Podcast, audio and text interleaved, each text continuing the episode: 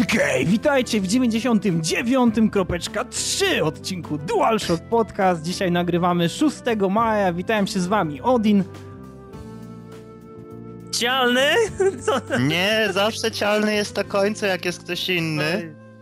Wybacz, zapomniałem. Tak czy inaczej przechodzimy do tematów. Pierwszym naszym tematem jest Dark, bardzo ciekawie zapowiadająca się skradanka o wampirach, następnie przyszłość Beyond Good and Evil 2, a później Batman Arkham City jak nas pukają w tyłek. A tematami głównymi naszego podcastu będzie Sniper V2, Binary Domain, Fable Heroes i rozterki cialnego, a na sam koniec aktorzy głosowi oraz tryb multi w Max Payne 3. Tak więc zapraszamy na kolejny miodny odcinek UE UE. Pyszności!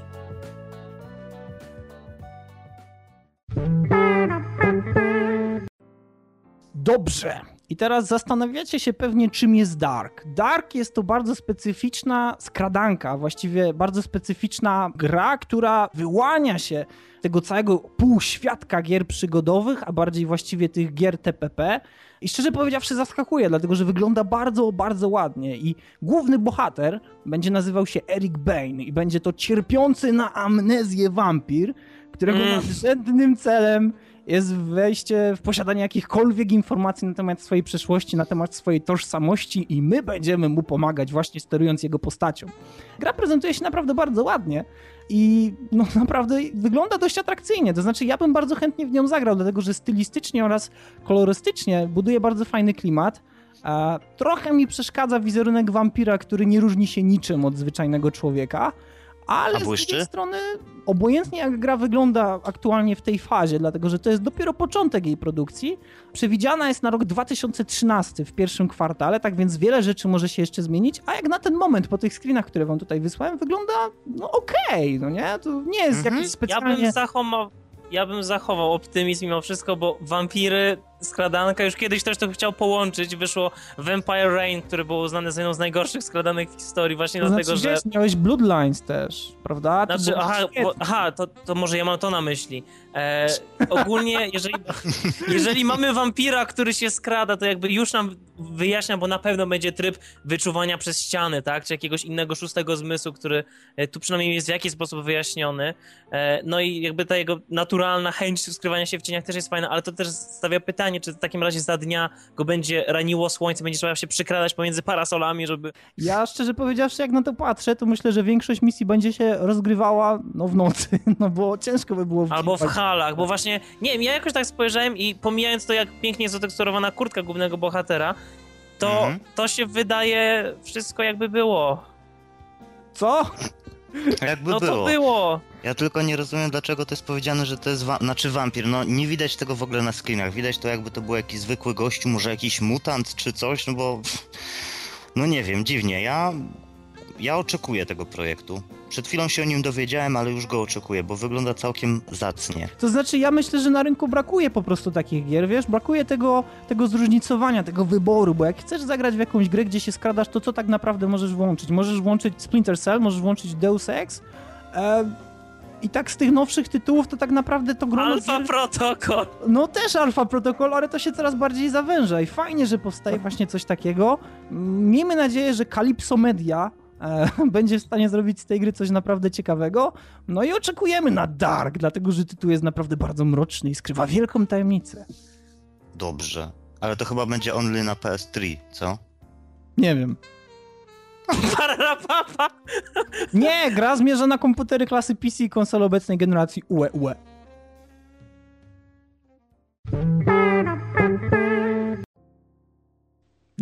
Więc drugi temat i kolejny raz znienawidzony. Jak już naprawdę będzie wam przeszkadzało, to napiszcie w komentarzach. E, Co się dzieje z Beyond Good and Evil? Dlatego, że ktoś mógłby się zastanawiać, jakby był Bizon, to by popadł w wielką, w cudzysłowie, rozkminę.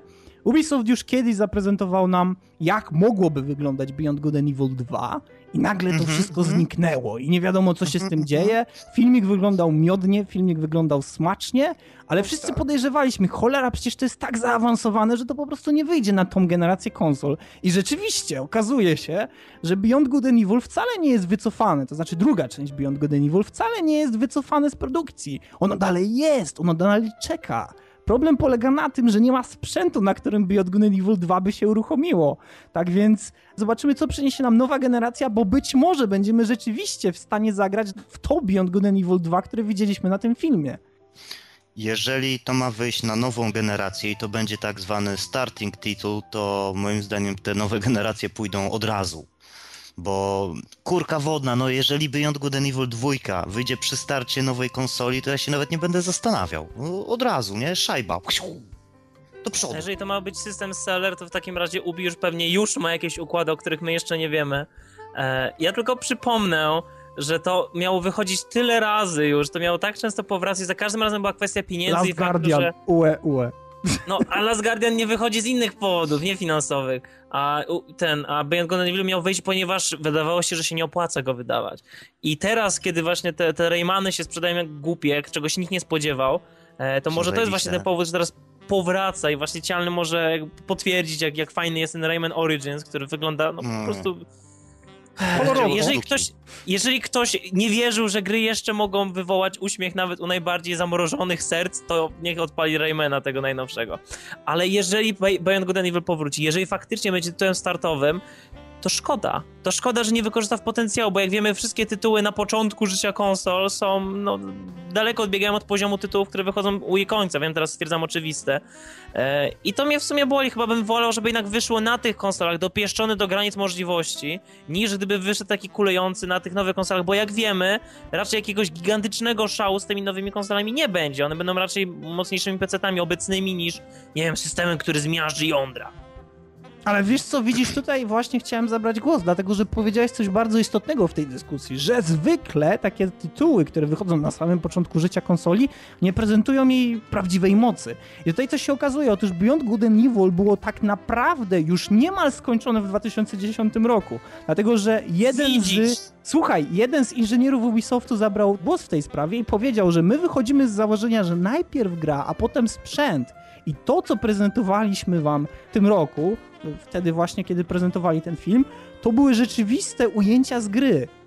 I nie ma takiej No. możliwości, aby taka gra uruchomiła się na sprzęcie tej generacji, dlatego że to jest po prostu poza ramami możliwości. Ale PS3 po co? Ja nie chcę gry, która nie chodzi na niczym, chcę jakiekolwiek by to Ale tak, ale widzisz, teraz ona jest tak dopieszczana. Ubi mówi, że wiąże z tym tytułem ogromne ambicje, dlatego że to jest wielkie spadkobierstwo pozostałych e, tytułów właśnie tak. Beyond Good and Evil. Nie ufam im, ja już nie ufam Ubi. To znaczy, ja już im nie ufam, oni... jest ufać, tak, Bo ja to, jest, bo, to jest, bo to jest tytuł, który oni trzymali bardzo długo schowany, bo nie wierzyli, że się zarobi. Oni woleli pompować cały czas ma asasyny nowe.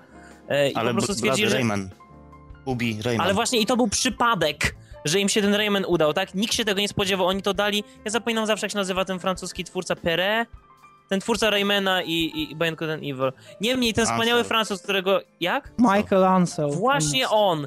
E. Pewnie oni Żaden mu dali tego Raymana, że Raymana mu dali pewnie, żeby się zamknął i gdzieś tam w tle robił platformówkę 2D. Nikt się nie spodziewał tego sukcesu, bo my wiemy, Ubisoft to już jest korporacja, tak? Ona patrzy w ten sam sposób co EA czy, EA. czy Blizzard Activision. E, Woli pompować tytuły z roku na rok, które wychodzą i na pewno się jakoś zwrócą, niż niepewne gry. A Beyond Good Evil był niepewną grą, bo oprócz jakby jego takiego kult factor i tego, że on był kiedyś bardzo sławny, to on się świetnie nie sprzedał. Jego wersja No. HD, mimo pokładanych w niej nadziei, też się świetnie nie sprzedała. Także Tak, tak. e, Taki sam jest przypadek z Psychonauts. Gra uważana za jedną z najlepszych, jaka w ogóle została wyprodukowana. No, ja, co z tego, jeżeli jej nie kupił, tak, nie? dokładnie. To, to jest ja dziwne. kupiłem. Znaczy, no dobrze, no to Ja też, ale that's not the point, nie? Po prostu jakby w tym grand scheme of things, tak? Na tym całym świecie, gdzie ludzie kupują Fify, Madeny i tak dalej, oni po prostu twierdzą, że nie ma sensu, nie? I e, nie wiem, Beyond Good and Evil ma wyjść. Ja im rozkazuję teraz w tej chwili dopracowane i, i niech nie chrzanią, Mhm. że to jest perełka, którą oni dopieszczają od lat, bo wszyscy wiemy, że to był taki niechciany dzieciak, który był gdzieś tam trzymany w kącie mieszkania, który teraz przypadkiem przyniósł szóstkę ze szkoły i nagle się okazuje, że on od zawsze był naszym ulubieńcem. No, no, ale Blady, słuchaj, y, wiesz co, jeżeli oni go robią, jeżeli on jest prawie skończony, jeżeli on jest teraz dopieszczany i no tak jak Odin powiedziałeś, on nie ma szans wyjścia na obecnej generacji konsol, to jest dobrze, tak. bo na obecnej generacji PC-ów on pójdzie spokojnie, no nie ukłamujmy się, konsole jednak są dużo, dużo do tyłu i może to akurat będzie ten taki, ten taki boom na nowej konsoli i to będzie akurat dopracowane Blady.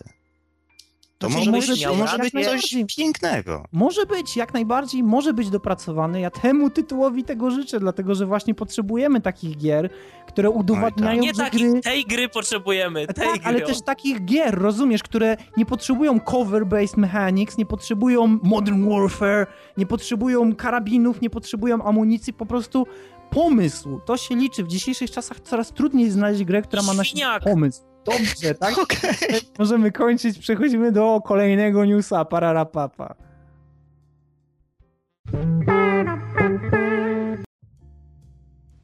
Okej, więc wprowadzam Bladego w tłusty temat! Jeśli ktoś nie zrozumiał, wprowadzam Bladego w tłusty temat, dlatego że bardzo ważny temat, temat, który budzi frustrację oraz zdenerwowanie w naszej ekipie. Otóż Blady, powiedz nam, co się dzieje z Batmańskiem. Where were the other DLC going? Po prostu wychodzi teraz Batman, nasz Arkham City, ceniony, wysoko uznany przez nas za grę roku. e, Batman Arkham City, wielkie dzieło Rocksteady, które jest wychwalane i zawsze przedstawiane jako przykład najlepszej gry, jaką może zrobić małe, kilkudziesięcioosobowe studio bez tej presji jakby gigantów prasy, którzy mogą zrobić grę dopracowaną na starcie, nie potrzebujących patchy, modów. Bardzo fajnie, było wpis do DLC do tej gry i fani, którzy kupili grę na starcie nową, teraz się czują oszukani. Czemu? Ponieważ wychodzi Batman Arkham City Complete Edition with Everything, które będzie kosztowało mniej więcej tyle, co nic i będzie posiadało wszystkie dodatki. Jakby teraz w tym momencie, w tej dokładnie sekundzie, wszyscy ludzie, którzy kupowali te dodatki z Robinem, z Nightwingiem, e, może niektórzy kupili e, w jakiś sposób bez Catwoman, nie musi za nie dopłacić, którzy kupili dodatkowe stroje, którzy kupili dodatkowe mapy, którzy kupili challenge roomy, mimo że zapłaciliście, jesteście frajerami, ponieważ teraz tak naprawdę wychodzi w pełni kompletny Batman. Jakby pojawiło się pytanie, kiedy DLC powinno się już zatrzymać, bo my wiemy, że już nie zatrzymamy DLC całkiem, ale w którym momencie firma powinna powiedzieć stop. Teraz nie wydajemy przez jakiś czas żadnego DLC, żeby ludzie się nie poczuli oszukani. To robi na przykład teraz CD Projekt z Wiedźminem, że po prostu się wstrzymuje długo, żeby wypuścić jeden duży expansion pack. Czemu więc Rocksteady wypuszcza teraz po tych maratonach DLC packów po dwie, po trzy mapy, wypuszcza jedną kompletną grę z jeszcze dodatkowym DLC, to mnie przerasta po prostu, bo oni jakby dają taki znak. Wyobraź sobie taką sytuację. Kupiłeś Batmana, kiedy był nowy. Wydałeś te 200, 220. Kupiłeś sobie dodatek z Nightwingiem, kupiłeś dodatek z Robinem. To były tylko challenge roomy, żadnego związku z fabułą. Fajnie, pograłeś, przestałeś. Jako, że nie było tam jakby wię- większej jakby zachęty, żeby grać w multi, sprzedałeś grę. Teraz wychodzi dodatek z yy, pomagierką Harley. e, Jokera, Harley Quinn. Wszyscy mówią, Jezu, jak to wspaniale, ale co to? Bardzo wiele osób już sprzedało tytuł single player, bo nie oszukujmy się, gier singleplayerowych nie trzymamy tak długo jak multi. Co więc robi Rocksteady? A wypuszcza Complete Edition, żeby dać ludziom jakby tą, że oni teraz tak jakby kupują grę po raz drugi, tak? Kupują drugi raz Batmana ze wszystkimi dodatkami i jeszcze teraz Harley Quinn. To jest tak gigantyczna maszyna marketingowa w tym momencie, że ja poniekąd się czuję oszukany, jakby to podkopuje moją wiarę w tą markę, bo ja wiem, że oni są częścią IDOS i IDOS też chce być tym wielkim graczem na rynku, jakim jest teraz Ubi, ale nie tędy droga, panowie!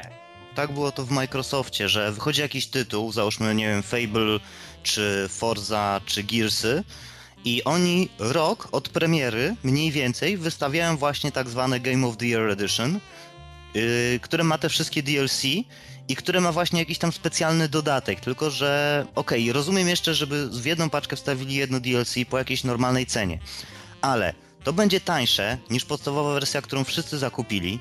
Każdy jeszcze dokupił do tego DLC, które trochę kosztowało, więc powiedzmy, że dołożyli do tego mniej więcej 50 zł, jak nie więcej. I osoby, które teraz załóżmy zakupią ten tytuł, który już jest trochę jednak stary, dostaną jeszcze jeden dodatek, który my będziemy musieli osobno dokupić dodatkowo. To jest moim zdaniem tak no trochę, Tak, no tak, nie spodziewałbym się tego po Rocksteady, nie? Po Microsoftie to, to, to jest standard, ale Rocksteady naprawdę... Jeszcze- Jeszcze muszę jedno dodać, zanim Odin, y, ty zabierzesz głos, bo ktoś powie, hej, jest bardzo wiele firm, które wypuszczają Game of the Year Edition, ale tam jest trochę inna sytuacja, bo na przykład taki y, Fallout New Vegas, to nie jest gra, w której wszystkie dodatki były dostępne na starcie do kupienia. Oni te dodatki, te Lonesome Road, y, pozapominałem nazw- pozapominałem nazwy dodatków do New Vegas, ich było chyba z 5 czy 6, one powstawały jakby na przestrzeni tego roku, czyli oni tak jakby uzupełniali tę grę. A w przypadku Batmana, te dodatki z Nightwingiem, z Robinem, one były wycięte z gry wraz z lokacjami i później się kupowało jedynie kod na odblokowanie ich w grze, tak jakby cały ten produkt już był na płycie i my teraz po roku nie płacimy za coś, co oni jakby uzupełniali, dopieszczali tę grę. To nie był Shadow Broker do Mass Effecta drugiego, tak? To były dodatki, które już kiedyś były, które wycięto, które udostępniono za pieniędzmi, a teraz możecie zapłacić drugi raz za nie. To jest Dlatego to jest trochę inne niż w przypadku właśnie tych normalnych Game of the Year Edition i dlatego mnie to no, tak ale mierzi. poza tym, poza tym te dodatki są zupełnie niepotrzebne, to są challenge roomy, to nic, to nic nie dodaje do tej świetnej fabuły, która jest w Batmanie. Ja bym się dużo bardziej cieszył i zapłaciłbym dwa razy tyle, jeżeli jakikolwiek z tych dodatków zmieniał coś w fabule, dodawał chociaż, nie Oczywiście. wiem, godzinę, ty, godzinę chociaż, żeby dodawał tego, a nie jakieś głupie, bezsensowne challenge roomy, z czego tak naprawdę wszystkie są takie same. Jest... Masz rację, bo to jest żadna tajemnica, że na przykład w grze fabuła Robina jest po prostu maźnięta, nawet nie, nie zarysowana. Robin się pojawia, mówi idę uratować ludzi w szpitalu, a Batman mówi idź uratować ludzi w szpitalu. I tyle, nigdy się nie dowiemy, co się z nim dzieje. Dlatego Dobrze. jeżeli by dodali... Ja też chcę coś powiedzieć. Nie, no sorry. Nie. Mm, Skoro już powiedzieliście praktycznie wszystko o dodatku, to ja bym tutaj chciał przejść trochę na inną kwestię. Jak w tym momencie patrzymy na wymuszanie na nas zakupu oryginalnej gry w momencie premiery, dlatego że to powoli traci sens. Wszyscy zdajemy sobie sprawę z tego, że prędzej czy później każda budżetowa gra, czyli budżetowa w sensie taka, która jest naprawdę zrealizowana z wielkim rozmachem, ona prędzej czy później doczeka się tego Game of the Year Edition albo wersji Complete. Więc każdy normalny gracz będzie czekał, ale też w międzyczasie jak będzie powstrzymywał tą swoją ciekawość. Nie wiem, czy ludzie, którzy produkują te gry zastanawiają się nad tym, że to promuje właśnie piractwo. Ale Dlatego, są że ludzie, ludzie- którzy poczekaj. się zastanawiają, tak? Bo ludzie, co, zro, co zrobi przeciętny użytkownik? On sobie powie tak, w tym momencie, nauczony tym doświadczeniem, które już teraz zna. Okej, w takim wypadku mniej więcej za rok wyjdzie wersja complete, więc ja teraz pobiorę sobie tą grę, pogram sobie w nią, zobaczę jaka jest, a kupię ją za półtora roku. Dlatego, że wtedy Znaczy, mi się to będzie bardziej nie. opłacało. Ale chcialny jestem Ale w masz rację. założyć, Bo ja mam- ja mam- tak myśli. Ja mam przykład z życia. Otóż Mów. przykład z życia wyglądał tak, że na uczelni rozmawiałem ze znajomym fanem Wiedźmina Pectowego, który grał w grę zaraz po premierze, kiedy nawet nie było durnej skrzynki wędrującej za tobą.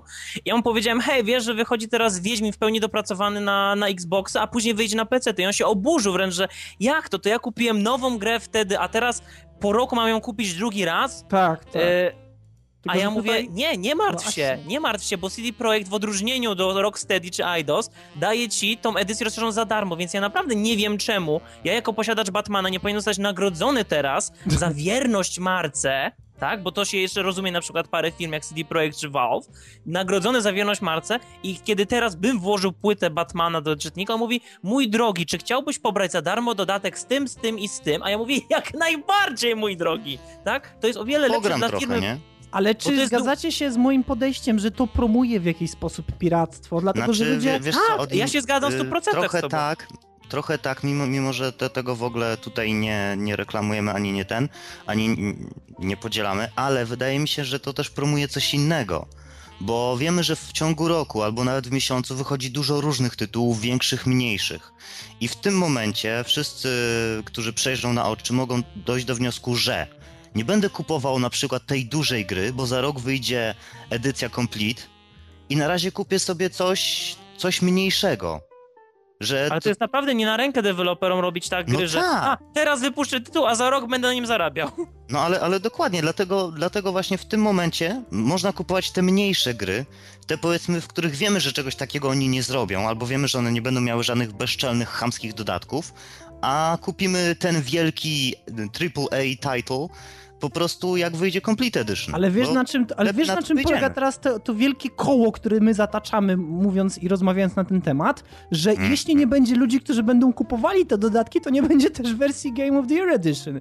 Bo, No no bo, no bo po co ją wydawać, więc to jest bez sensu. I tak Jedyna jak powiedział Blady, droga... tak, powinieneś dostać jako użytkownik Xboxa czy PlayStation, czy obojętnie jakiejkolwiek konsoli PC-ta, powinieneś dostać informację. Słuchaj, wychodzi edycja Game of the Year Edition, ty już masz grę, zarejestrowałeś tą grę, ta gra jest oryginalna, dla ciebie oto są dodatki, które umieszczamy w wersji Game of the Year Które Edition. i tak są na płycie, tak? Tak, Albo i ty chociaż klaskasz jeden. rękoma i mówisz super i takie coś rozumiem, jeśli wydacie w przyszłości jakąś grę, jestem w 100% za wami i na pewno ją kupię, dlatego że wiem, że nie zrobicie mnie w bambuko. Mhm.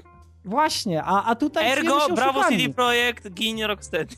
tak. Okej, więc możemy przejść do tematów głównych i już pominąć batmańsko. Batmańsko chowa się w cieniu i zaczynamy. się do cienia.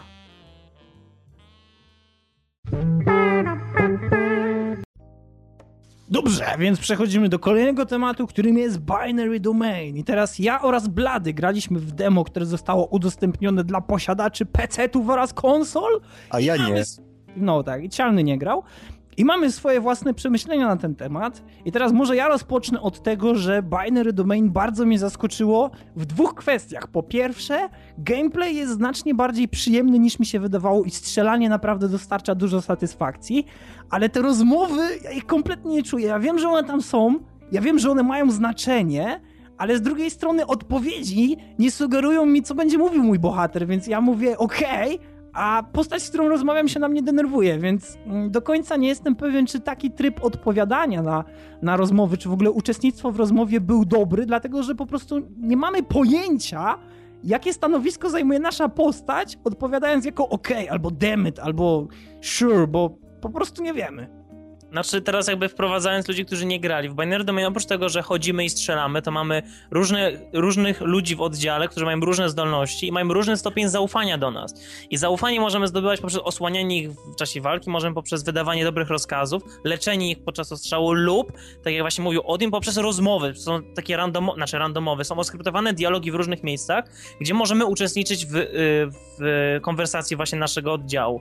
I teraz y, masz rację, to prawie nigdy nie ma związku z to, co wybieramy, z tym, co powiemy. Mnie na przykład dziwi, czemu nasza postać fizycznie nie mówi odpowiedzi. My po prostu wybieramy sobie Sure. napis, sure, i po prostu się pojawia napis y, tekstowy, tak? Mimo, że nasza postać ma głos jako taki na pokazówkach, to w Tak. czasie gry już się nie odzywa, co mnie od razu z- Ale odrzuciło. zauważyłeś też, że aktorzy głosowi voice acting tej grze jest zaskakująco dobry.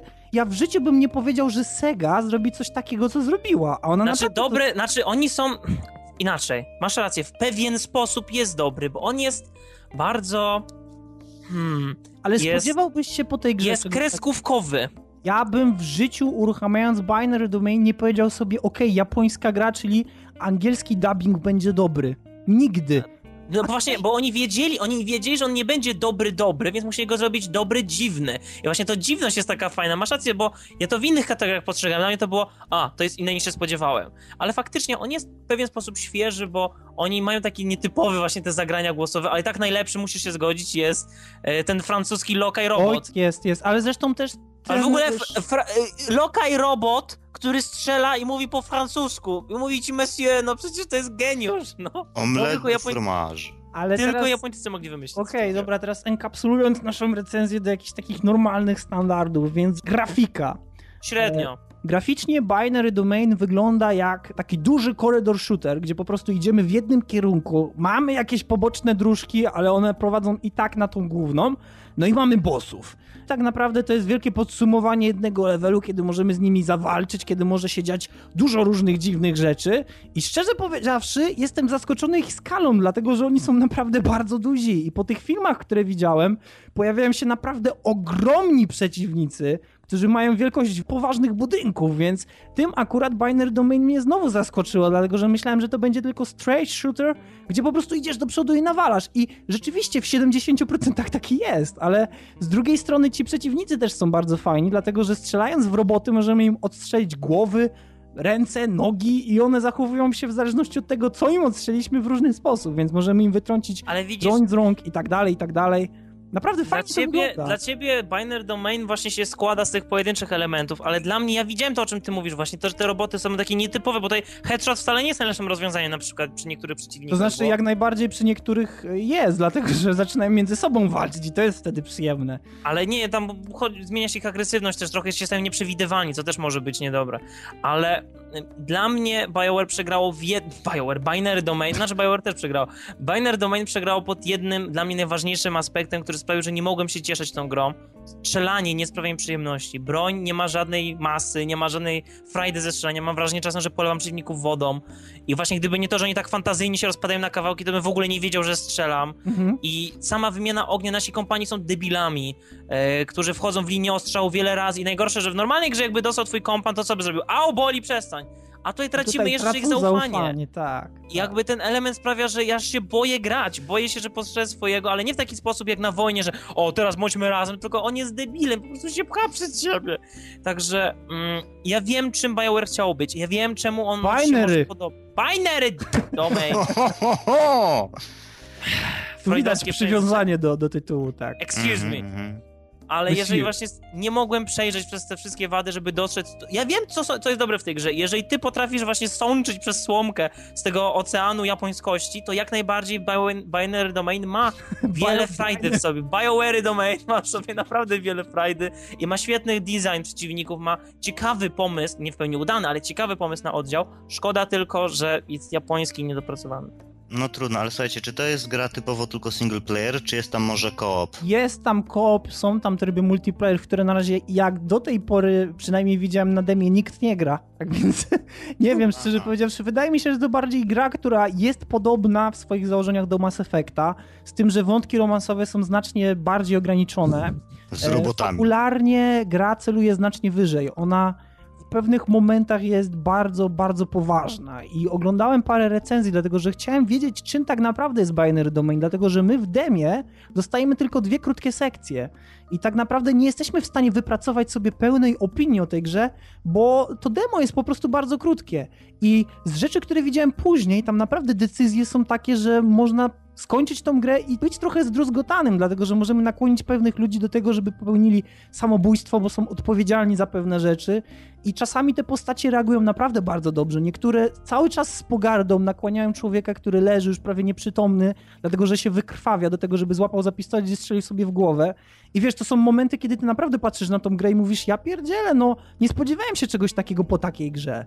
Więc to jest na pewno ogromnym atutem Binary Domain, ale na pewno jest to gra, która jest bardziej nastawiona na single player. Nie wiem, ile on trwa, ale myślę, że biorąc pod uwagę, że twój oddział za każdym razem zachowuje się inaczej, dlatego że o tym też nie powiedzieliśmy, ale na przykład dobierając oddział, oni zaczynają między sobą sami rozmawiać. Więc na przykład jeśli weźmiesz do oddziału dwie kobiety, to jedna z nich podsumuje, co ty nie? Catfight! Nie, on, po- ona do ciebie powie, ty zboczuchu, dwie kobiety, nie? A ty, kurde. tak, fuck. Muszę to mieć. E, więc e, na przykład, a jak masz Big Bo, to jest taki wielki afroamerykanin, to Mhm. faktycznie cały czas krzyczy, cały czas szarżuje. Są też momenty, kiedy na przykład postacie pytają się ciebie, co mogą w danym momencie zrobić, więc jeśli masz snajpera, to snajper zapyta, czy powinien prowadzić ostrzał z daleka. Jeśli masz technika, to technik zapyta, czy może podłożyć ładunki wybuchowe pod jakieś miejsce. Są jakieś environmental traps, czyli możesz coś wysadzić i zawalić, na przykład jakąś wielką konstrukcję na przeciwników, którzy stoją przed tobą. Gra jest naprawdę rozbudowana, chociaż nie wydaje się być rozbudowana, no, rozpędza się, czy ta fabuła buduje się bardzo powoli, dlatego że z tego co widziałem, kiedy Total Biscuit zrobił taki cover tej gry, to mówił, że przez pierwszą godzinę tak naprawdę nie dzieje się nic. Pierwsza godzina to jest wprowadzenie do tego świata, To i tak lepiej niż w Uncharted 3, gdzie przez pierwsze dwie godziny się nic nie dzieje. no tak, i gra się kończy po czterech. E, tam niby jest ta konwencja genewska i ona zakłada w tych latach, kiedy ta gra się odbywa, że produkowanie androidów jest tylko i wyłącznie na potrzeby użytkowe, że nie można ich produkować tak, jakby mieli być ludźmi. A cała fabuła właśnie obraca się wokół tego, że androidy, które raz po raz dowiadują się, a właściwie same uświadamiają się, że są androidami, popełniają samobójstwo, dlatego że są tak dobrze dopracowane, że nie są w stanie pogodzić się z myślą, że nie są człowiekiem, Widziałem. robotem, rozumiesz? I zabijają się, dlatego że popadają w traumę, depresję ogromną i tak dalej. I co się dzieje? Kto za tym stoi, kto jest odpowiedzialny i do czego będzie to prowadziło? To jest Nie, ja myślę, że ona jest naprawdę bardzo dobra, Blady. Naprawdę. I z tego, co widziałem w późniejszych filmikach, tam naprawdę zaczyna się dziać coś znacznie bardziej poważnego niż w Mass Effectie, ale właśnie to jest ten mixed bag. Ta gra ma pełno takich dobrych cech i pełno takich złych cech i ostatecznie to się tak, że tak powiem, zrównuje. Więc nie ma tej przeważającej ilości plusów. Konkretnie w przypadku Binary Domain, ale myślę, że tytuł jest naprawdę bardzo, bardzo dobry, jeśli chodzi o graczy, którzy są w stanie przełknąć te drobne niedopracowania, czy te większe niedopracowania i warto to sprawdzić. I tak odpowiadam na twoje pytanie, czy gra jest bardziej single. Wiesz co, zamyśliłem się, oglądam właśnie też gameplay i zacząłem się zastanawiać, ilu osobowy koop tutaj jest i czy można całą historię przechodzić w koopie, w ogóle nie ruszając singla jako singla. I to mnie zadziwia. Zastanawia, nie zadziwia, Boże. To jest ambitna produkcja, która myślę, że po prostu zbyt Trafiło szybko na chciała... japońskich deweloperów. To znaczy, to jest ogólnie japońska produkcja. Ale myślę, że zbyt szybko po prostu uderzyła na rynek, przepraszam.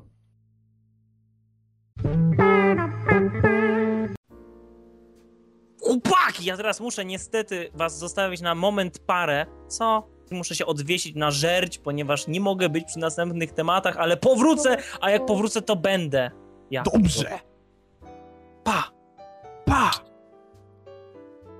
Dobrze, no i teraz nasz kolejny temat, czyli Fable Heroes. Chyba pamiętacie, jak parę podcastów temu tak jakoś zachwalałem ten tytuł. Tak, ja pamiętam. Bardzo, no właśnie, bardzo roz, rozweselony tym wszystkim i przed jeszcze zakupem tak przeglądałem parę recenzji i się przeraziłem, bo zobaczyłem, że tytuł ten zbiera raczej takie, no nazwijmy to delikatnie mówiąc, słabe recenzje. Ale to bardzo delikatnie mówiąc. Tak, bardzo delikatnie mówiąc. To naprawdę I bardzo delikatnie mówiąc. Po wczorajszo-dzisiejszej rozmowie z Ninerem, pozdrawiam serdecznie, on powiedział, czy ja to kupuję.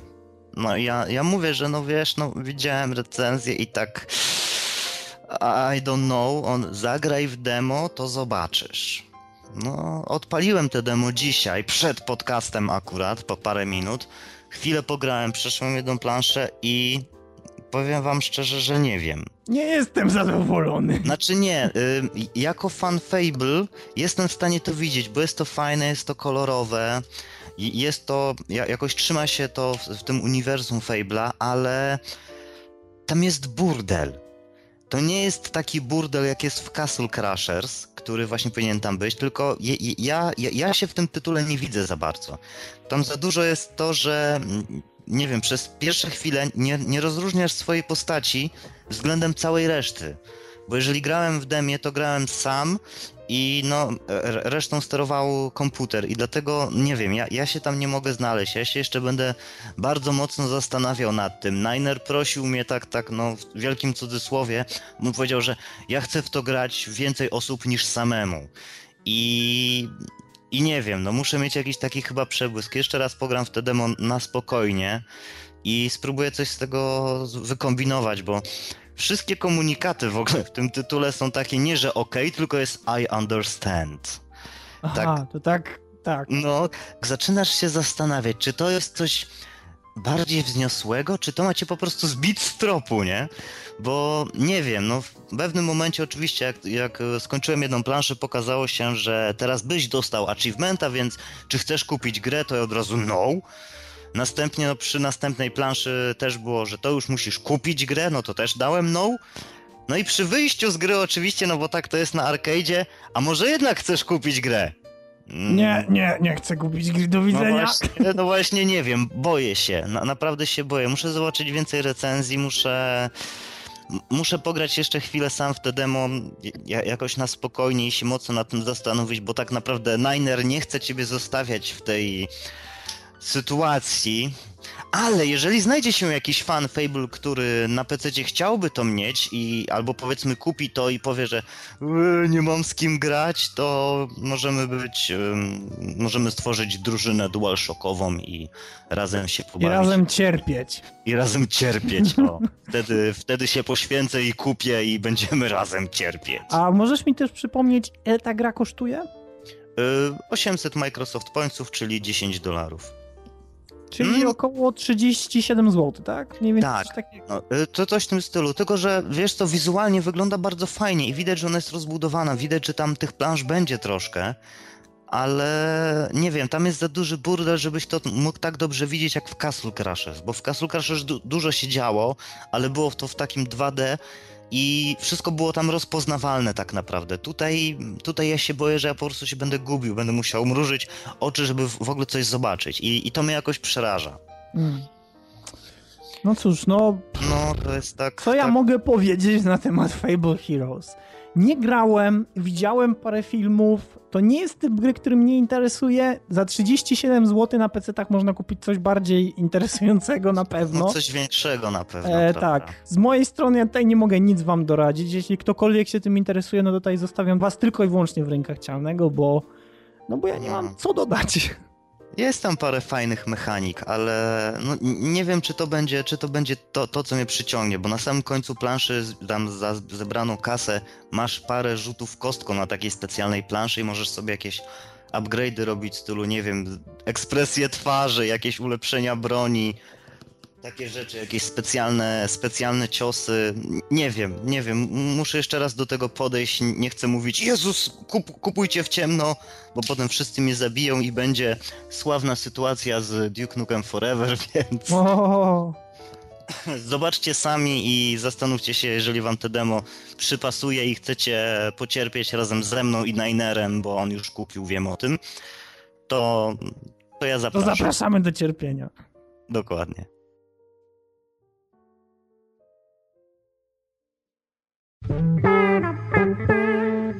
Dobrze, i przechodzimy do kolejnego tematu naszego podcastu, którym jest Sniper Elite V2, produkcja ze studia Rebellion Development, która w 2012 roku wyszła z podziemi i trafiła na Xboxa, trafiła na PlayStation oraz trafiła na PC-ty. Miałem okazję zagrać pełną wersję, właściwie mam pełną wersję. Bo wygrałeś. Co mogę o niej powiedzieć? Em, gra na pewno nie zasługuje na zakup za tą cenę, za którą aktualnie jest sprzedawana, ale z drugiej strony to jest gra, z której można czerpać naprawdę dużo frajdy, ale to chyba z tego powodu, że ona jest po prostu luźna. Najwyższy poziom trudności w Sniper Elite V2 jest poziomem, powiedziałbym, przynajmniej normalnym, chociaż mógłby być easy. E, Tak więc gra ogólnie jest bardzo prosta, naprawdę bardzo, bardzo prosta. Ciężko jest tam znaleźć poziom, który wymagałby od nas jakiegoś kombinowania. Wszystko jest mniej więcej tak zaprojektowane, że widać na pierwszy rzut oka, co trzeba zrobić. Tak więc e, no na pewno nie będziemy główkować grając w tą grę. E, Przeciwnicy są raczej tępi, dlatego że jeśli jakiś się schował i jakiś się nie pokazuje, to wystarczy strzelić gdzieś wokoło i on pójdzie to sprawdzić. Więc, O mój Boże. e, tak, on padnie, potem ktoś inny go zobaczy, znowu pójdzie sprawdzić i potem w jednym miejscu zaczyna się gromadzić taka kubka przeciwników i my dalej strzelamy i po prostu leżymy i strzelamy. Oni się E, tak nakładają na siebie? Taką, taką, taką górkę robisz, o, mogę w końcu tam wejść. Tak? Ale wiesz co, ja myślę, że naprawdę ta gra jest po prostu przyjemna. Tam nie ma czegoś takiego jak losowe rozłożenie przeciwników. E, Tak więc grając już drugi raz w ten sam level, praktycznie wiemy od samego początku, gdzie, jak, kto będzie się poruszał. Tak więc nie będzie tego momentu zaskoczenia. Ojej, ta plansza się przetasowała, wszyscy są w innych miejscach. Ale z drugiej strony mamy bardzo fajne spojrzenie, wiesz, z góry, takie bardziej planowanie, kiedy znajdujesz się na jakimś wzgórzu i patrzysz na tych wszystkich przeciwników i zaczynasz się zastanawiać, kogo w pierwszej kolejności trzeba ściągnąć, jak to zrobić, żeby inni go nie widzieli, bo czasami też chcesz zagrać tak, żeby nie wzbudzić alarmu, prawda? No więc można sobie wytaczać takie cele. E, Można stosować pułapki. Można stawiać pułapki na zasadzie granatu razem z małym kołkiem i przeciągając linkę od zawleczki po prostu stawiać takie pułapki. Jeśli ktoś pociągnie za linkę, no to granat wybucha.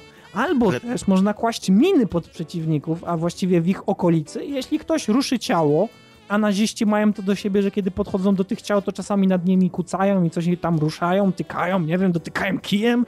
No więc wtedy też możesz ich ściągnąć, więc można tworzyć takie pułapki przenośne, dlatego że ciała można podnosić, więc można zanieść jakieś ciało w pewne miejsce, piznąć tam jakąś pułapkę, uciec i oglądać.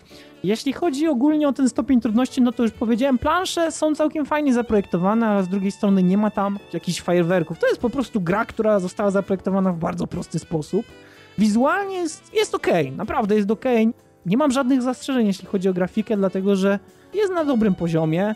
Powiedziałbym nawet, że w tych slow motion, kiedy, kiedy strzelasz, kiedy uderzasz w jakiś taki specyficzny punkt na ciele przeciwnika, kiedy ta Mortal kamera Kombat. zaczyna podążać za pociskiem, kiedy robi tam 360, 180, jakieś obroty fikuśne, to wiesz, to wtedy naprawdę wygląda bardzo, bardzo ładnie. I też myślę, że właśnie na tych slow motion, na tych zwolnieniach tak naprawdę to się najlepiej prezentuje. Czyli e, taki Mortal muzycznie- Kombat. tak, Muzycznie, znaczy czy ja wiem, czy Mortal Kombat, ja myślę, że, że nawet lepiej, wiesz, dlatego, że tam masz oprócz kości, masz jeszcze organy wewnętrzne, można przestrzelić jądra, A tam też e, były organy. więc e, tak? Tak, Okej, tak, no tak, więc były, prawdopodobnie dokładnie tak samo jak w Mortal Kombat. Z tym, że na przykład w Sniper Elite V2 możesz jednym pociskiem zabić dwóch nazistów, może nawet trzech. Nie udało mi się jeszcze trzech złożyć w jednej linii, ale może się tak zdarzyć. Co też mnie bardzo śmieszy, to hełmy nic nie robią. Tak więc jeśli strzelisz w hełm ze swojego karabinu snajperskiego, pocisk przebija ten hełm e, Okej. i leci do następnego hełmu i też jest go w stanie przebić. No ale wygląda to fajnie. Chodzi o to, żeby gra była fajna, żeby, żeby dawała dużo frajdy i akurat to daje dużo frajdy. Jeśli patrzysz na tych biednych przeciwników, którzy nie wiedzą, co się wokół nich dzieje, to, to czasami potrafi być miłe. Ale jest pewien problem w tej grze. Problem polega na tym, że misje są strasznie straightforward, czyli są strasznie liniowe, są pozbawione jakichś zwrotów akcji nagłych, więc od samego początku do samego końca misji mamy ten sam gameplay, czyli mechanika, która, że tak powiem, stała się już. Ona już została, No, że tak powiem, zniesiona w 2008 roku, prawda? A, ale nie teraz- wcześniej? Nawet, nie Nawet wcześniej? wcześniej, tak, może masz rację. Bo... przecież by było coś takiego, że coś ci w trakcie misji wychodziło, coś Dokładnie, no nie? Jakieś zwroty akcji, albo coś nagle się stało, albo nasza droga ucieczki została zasabotowana i musimy się udać gdzie indziej. No, Mhm. Tego w Sniper Elite V2 nie ma, a przynajmniej na ten moment, w którym ja gram, jeszcze nie było. No niemniej ja myślę, że to jest całkiem fajna gra. Długo jej recenzować nie trzeba, dlatego że wystarczy spojrzeć na jakikolwiek gameplay, nawet i pięciominutowy. Jest demo do pobrania, tak więc każdy może w to zagrać. No i co, czy mam ją polecać? Nie, jeśli brakuje wam po prostu takiej gry, gdzie możecie sobie postrzelać z daleka, no to myślę, że to jest dobra propozycja. Ale z drugiej strony myślę, że na przestrzeni lat były lepsze gry i, i to właściwie tyle. No nie wiem, czy chcesz jakoś to podsumować, Cialny. Widziałeś Znaczy, wiesz co, widziałem gameplay i dla mnie, no mnie w ogóle taki temat nie rusza tak naprawdę. Ja, dla mnie gra, gdzie masz możliwość snajperowania tak naprawdę to jest do saboteur. Snajperowania mówisz. No snajperowanie. Słowotwórstwo, trzeba tak robić, trzeba się rozwijać, więc wiecie. Yy, Dla mnie saboteur. Yy, Czasy nazistowskie, de saboteur po prostu. Ja nie lubię takich typowo gier wojennych, yy, bo nie wiem, bo nie, bo po prostu nie. A, a de saboteur był taki one man, one decision, one snajperka i walisz, więc... Yy, Wiecie co, no z tym snajperem, z tego co słyszałem, to może poczekamy na Game of the Year Edition. może, może tak, tak. Myślę, Może że się nie doczekamy. Trochę Em, długo. No więc to chyba tyle. Jeśli chcecie zobaczyć, jak wygląda Sniper Elite V2, no to myślę, że warto się zainteresować demem. Jeśli demo was nie przyciąga, jeśli uważacie, że w demie mechanika gry jest cały czas taka sama, e, z ręką na sercu, w pełnej wersji wygląda niemalże identycznie. Ale ja jeszcze wiem jedną rzecz. Jeżeli chcecie, żeby Odin trochę pocierpiał, to w komentarzach każcie mu zrobić chociaż jeden let's play z tego. Eee, mogę, mogę zrobić jeden let's play, okej. Dobrze. Ponieważ odińskie let's playe są najlepsze. Tak. O wpół do dziesiątej w Polsce.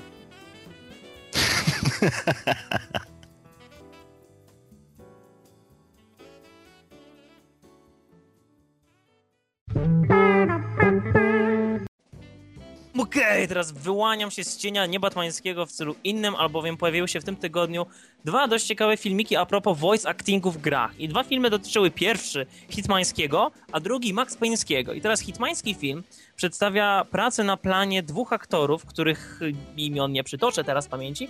Jednak to są aktorzy wcielający się w postaci głównych złych. Jakby dla mnie gigantyczne wrażenie z tej sekcji motion capture wywarło to, jak bardzo oni się poświęcają swoim rolom i dla odmiany są zainteresowani tym, co się dzieje, ponieważ oni w odróżnieniu od wielu aktorów, którzy przychodzą na plan i łaskawie dają się nagrać, naprawdę byli zaangażowani w pracę i starali się jakby rozwijać swoją rolę. I na przykład e, e, te, obecna technologia pozwala według tej pani, która gra główną złą, czy tam asystentkę głównego złego, odbierać, bo ona się starała dodać takie małe tiki, jakieś takie małe, delikatne ruchy. Kiedyś motion capture musiał być otwarty, trochę jak gra w teatrze, tak? Żeby te czytniki mogły to zebrać, żeby każdy mógł to na drugim końcu ziemi e, zobaczyć, żeby każdy, taki teatralny szept, tak? Żeby ludzie na końcu sali mogli to słyszeć. A teraz technologia pozwala nam na bardzo subtelne takie właśnie gry e, i z drugiej strony na przykład ten główny zły opowiadał o trudności, jaką sprawiło mu palenie papierosów, bo oni mają tą technologię używaną wcześniej na planie filmu Tron do zbierania motion capture twarzy w czasie rzeczywistym, bo kiedyś, przykład, e, L.A. Noir, tam osobno były zbierane ruchy ciała i osobno ruchy y,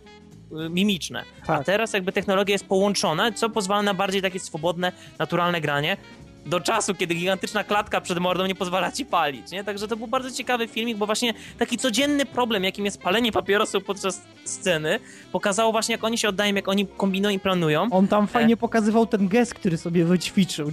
żeby ta ręka się dostała, nie? Pod tak, ten, tak, ten, Tak, fajne to było. E, I co więcej, pokazywał swoje zafascynowanie technologią, gdzie e, oni umieszczają na planie taki sześcian z paroma odnośnikami i on jest wyświetlany jakby w świecie rzeczywistym, znaczy w tym podglądzie ich, jako, ko- jako biurko zastawione komputerem, faksem, papierami i tak dalej. To było naprawdę fascynujące z tej strony. Ale pod koniec filmiku, który mnie naprawdę nakręcił i pokazał mi, że fakt, ci aktorzy naprawdę się skupiają, oni naprawdę się poświęcają roli, widać kawałek tej pokazówki, którą nagrali i stwierdzam, że pokazówki w Hitmanie nowym będą słabe. Jeżeli to nie są dopracowane... One nie jeszcze... mają tego ładunku emocjonalnego, ale też mi się wydaje, że w poprzednich Hitmanach też nie były to specjalnie, Tak, wiesz, wiem, mocne ale- części gry. Ale widzisz, chodzi o też nastawienie się, tak? Te Hitmany Tak, wcześniej tak. nigdy nie miały tej w ogóle chęci. Nie można, wiesz, kłócić z kimś, kto jeździ na rowerze, że słabo jeździ na wrotkach, tak? On się skupia na rowerze. A teraz oni twierdzą, że się skupiają na tej fabule, że teraz jest nowy, mroczny, groźniejszy Hitman, bogatsza, poważniejsza fabuła. I've to never czemu- left.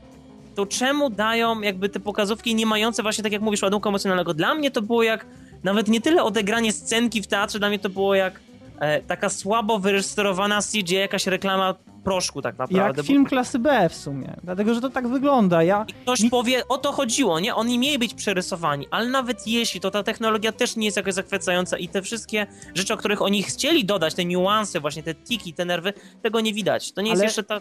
Myślisz, Blady, że nie lepiej by było dla nich, gdyby jednak poszli trochę w ten e, kierunek bardziej stereotypowego złego gościa, dlatego że my mamy stereotypowego złego zabójcę, to znaczy złego, zimnego zabójcę. Mhm. Łysy facet, wysokie czoło, twarde kości policzkowe, które kreują się na jego twarzy i zarysowują tą szczękę, więc po nim widać, że on jest twardy. No i głos ten- jakby pił szejki z pinesek, nie? A ten my główny zły w cudzysłowie, on tak wygląda w sumie jak taki wujciot. No, tak, no niespecjalnie do mnie przemawia. Znaczy może dlatego on jest jeszcze bardziej przerażający, ale jako taki nie zrobiło na mnie wrażenie jakby aktorzy zrobili na mnie wrażenie, ich jakby oddanie się roli zrobiło wrażenie, ale to co później jak produkt końcowy, który pokazali słabo. Może w kontekście, może, bę- może będzie lepiej, może w grze będzie bardziej dopracowane, jak na razie słabo. Tymczasem! Aha, no. No właśnie, chciałem jeszcze tak się spytać, czy Blady słyszałeś dokładnie te briefingi, które są tak bardzo znane z Hitmana? Czy słyszałeś, jak one są przeprowadzane? Te Ale o czym teraz mówimy? o briefingu w Hitmanie, Mhm. czyli jak nam babka opowiada o co chodzi w najnowszym Hitmanie. A to mnie ominęło. Jak babka opowiada o co chodzi w misji, to jest ten gościu, to jest ten gościu. Wiesz co, to jest chyba jeden z najgorszych voice actingów, jaki słyszałem. To jest baba w Ale spożywczaku. fajne! Ale Odin, baba w spożywczaku, wiesz, dwie godziny przed, przed zamknięciem, zmęczona, znudzona, ze seraczką po prostu. Nie da się tego słuchać, naprawdę. M- mnie Ja, to znaczy, ja, ja wspominam bardzo totalnie. ciepło, bardzo ciepło wspominam rolę Diany z poprzednich części, więc mnie Ale smuci teraz to, co mówisz. Idealnie, idealnie. Naprawdę, no przecież te, te wasze let's play, tamte briefingi, mimo że były tak, Age of 47. no, Hello, przerzucone, to, to Hello. tutaj to jest takie zmęczenie materiału po prostu. Widać, że gościara, która podkłada głos, tak, autorskie, ten, autorskie określenie, jest zmęczona tym wszystkim, że jej się po prostu nie chce. Czemu nie można Szkoda. zrobić takiego voice actingu, jak jest na przykład jak właśnie... Ale będę miał płynne przejście za chwilę. No, ale blady, Wiedźmin, to jest moim zdaniem najlepszy voice acting, jaki kiedykolwiek jest. Nie. No. Odri! To jest na pewno najlepszy polski dubbing. Najlepszy polski, no tak. Ale ty naprawdę nie grałeś Mass Effecty, więc nie mów. Tak? O jeżeli- my god, ale oglądałeś. Aktorsko to dwójka zamiata, ale Wiedźmin na pewno się zbliża do tego poziomu, fakt. Hitman niestety, jeżeli jest rzeczywiście tak źle jak mówisz, to Posłuchaj, smutno. A mi jest przykro to słyszeć w ogóle. Ja myślałem, że Cialny powie, słuchaj, te przerywniki przed misją są fajne, bo ja szczerze powiedziawszy patrzyłem na te animacje i powiedziałem sobie, no fajnie to wygląda, całkiem okej. Jak Hitman? Chyba nie, ale z drugiej strony, ale z drugiej strony buduje jakiś tam klimat, buduje jakieś zaangażowanie. Tutaj nagle Cialny powiedział, że baba ze spożywczaka i mi się tak smutno zrobiło, bo ja chyba tego nie widzę. Ale, no, ale naprawdę tak jest, wizualnie, wizualnie wygląda to pięknie, ale g- y, dźwiękowo, dźwiękowo jest moim zdaniem porażka. No A, to jest przykre. Szkoda, No. że tak jest. Ja nie chcę, żeby tak hit... Mój Hitman tak wyglądał. Nie ma wyglądać tak mój Hitman do... Tymczasem mamy innego zmęczonego, brzmiącego jak pani ze spożywczaka pana w historii gier komputerowych, Maxa Payne'a. Max Payne powraca. To jest jakby żona tajemnica i wiemy, że na początku Rockstar bardzo chciało nas przekonać, że to jest nadal ten nasz Maxie, że to jest nadal ten Max. Oni nam dawali tą muzykę z dwójki, oni dawali tą narrację, kłamali, że będą komiksy przerywnikowe, że e, to będzie właśnie powrót tego naszego, naszego wyjątkowego i zawsze niepowtarzalnego Maxa. Wiemy, że gameplay trochę się różni teraz. Wiemy, że już nie robi tego Remedy. Remedy się skupia teraz na. E... Na kwiatkach i cukierkach. Skupia się. Nie.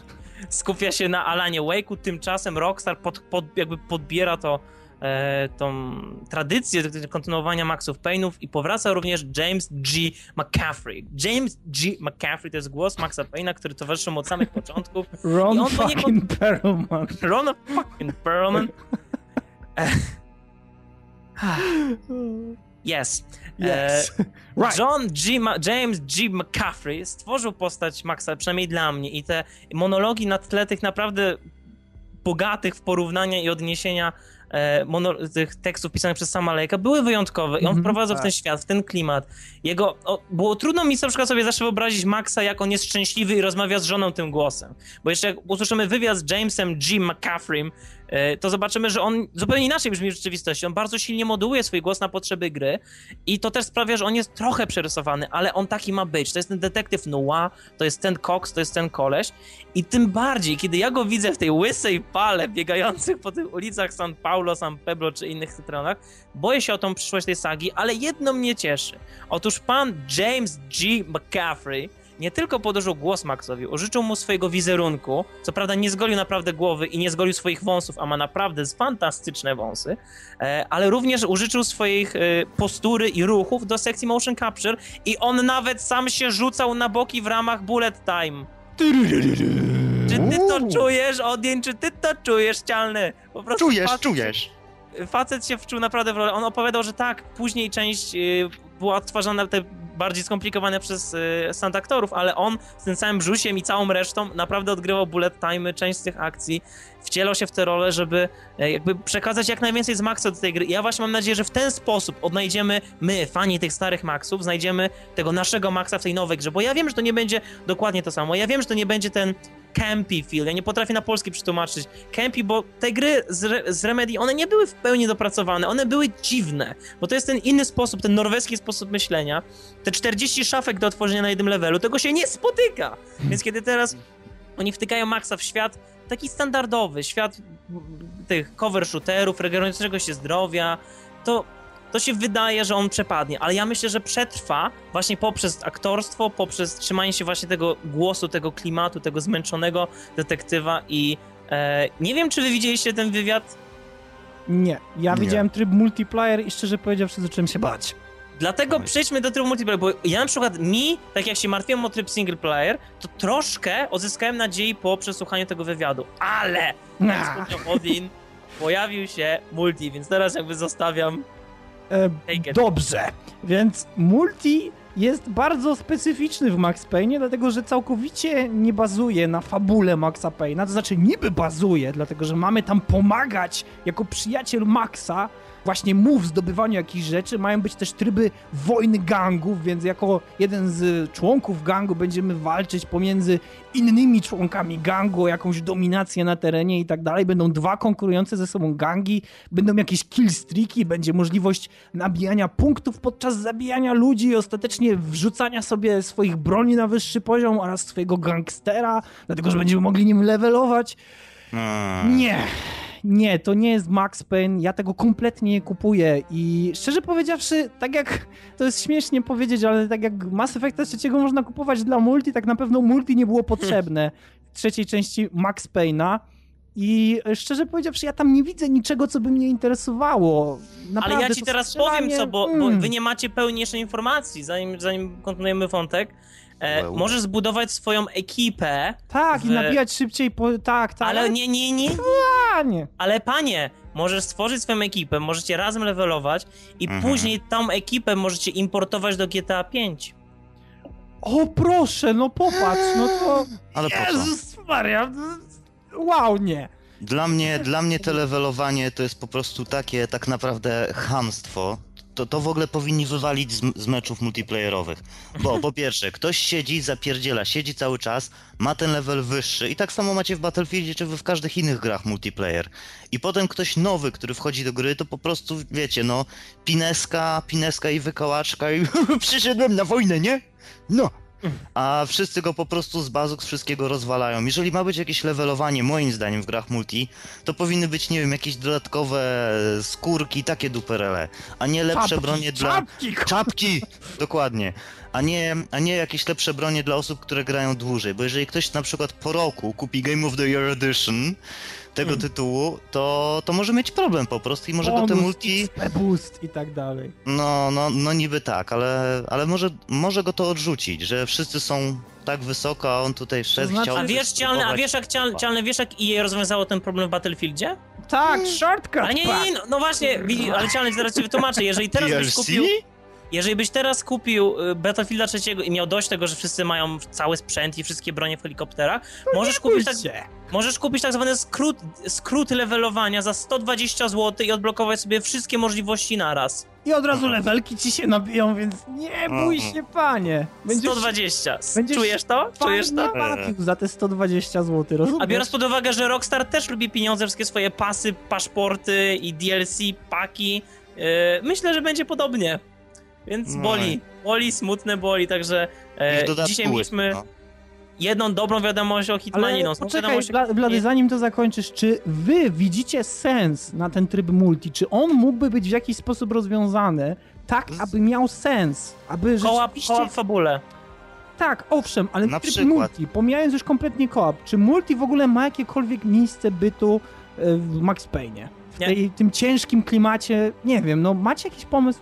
Wiecie co, to jest tak jakbyśmy chcieli wstawić multi do LA Noir moim zdaniem, chociaż wiemy, że Max powinien... Rozwiązywanie zagadek jednocześnie. Jedni grają jako przestępcy i muszą zacierać ślady, a drudzy jako policjanci ich ścigają, śledzą. Boże! Znaczy, przepraszam, zamyśliłem się, myślałem. Nie, nie, nie, w obecnych czasach nie można tego rozwiązać dobrze. No, więc słabo. Ale Znaczy, naprawdę to, to, to w ogóle nie ale- jest tytuł do tego, tak Ale naprawdę. poważnie ktoś mnie powinien zatrudnić w jakiejś firmie robiącej gry. Bo... Ale powinien. Ale widzisz, ale to też jest problem, dlatego że mając takie pomysły, bo to nie jest tylko tak, że tylko ty masz takie pomysły. Ojej, ja już wiem, ja już wiem, co... Mając, mając takie pomysły, trzeba je potem jeszcze umieć zrealizować i z tym jest bardzo duży problem. Blady, Tam, oj tam, właśnie to mówili największym umysłem XXI wieku. blady byłbyś kolejnym Peterem Moliniu. tak, słuchajcie, ja wiem, że wcześniejsza część była do dupy, ale ta. ale Bym obiecywał najbardziej realistyczny symulator snajpera, a później wyszedłby gość. I to drzewo, rozumiecie? Drzewo. No, No, jeżeli rośnie. natniesz nożem. Słuchaj, dobrze, idźmy dalej.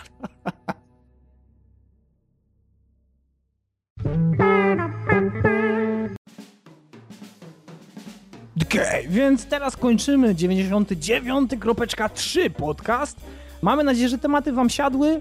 Bizoński nadal ma matury i po prostu siedzimy tu jak kury na grzędzie i czekamy, czekamy aż wróci, ale jak już wróci, to na pewno nagramy ten setny odcinek. E, no i cóż, no i spodziewajcie się nas w przyszłości z kolejnym odcinkiem DualShock Podcast. Miejmy nadzieję, że już setnym. No a tymczasem żegnałem się z wami, Odin. Blady. I cialny.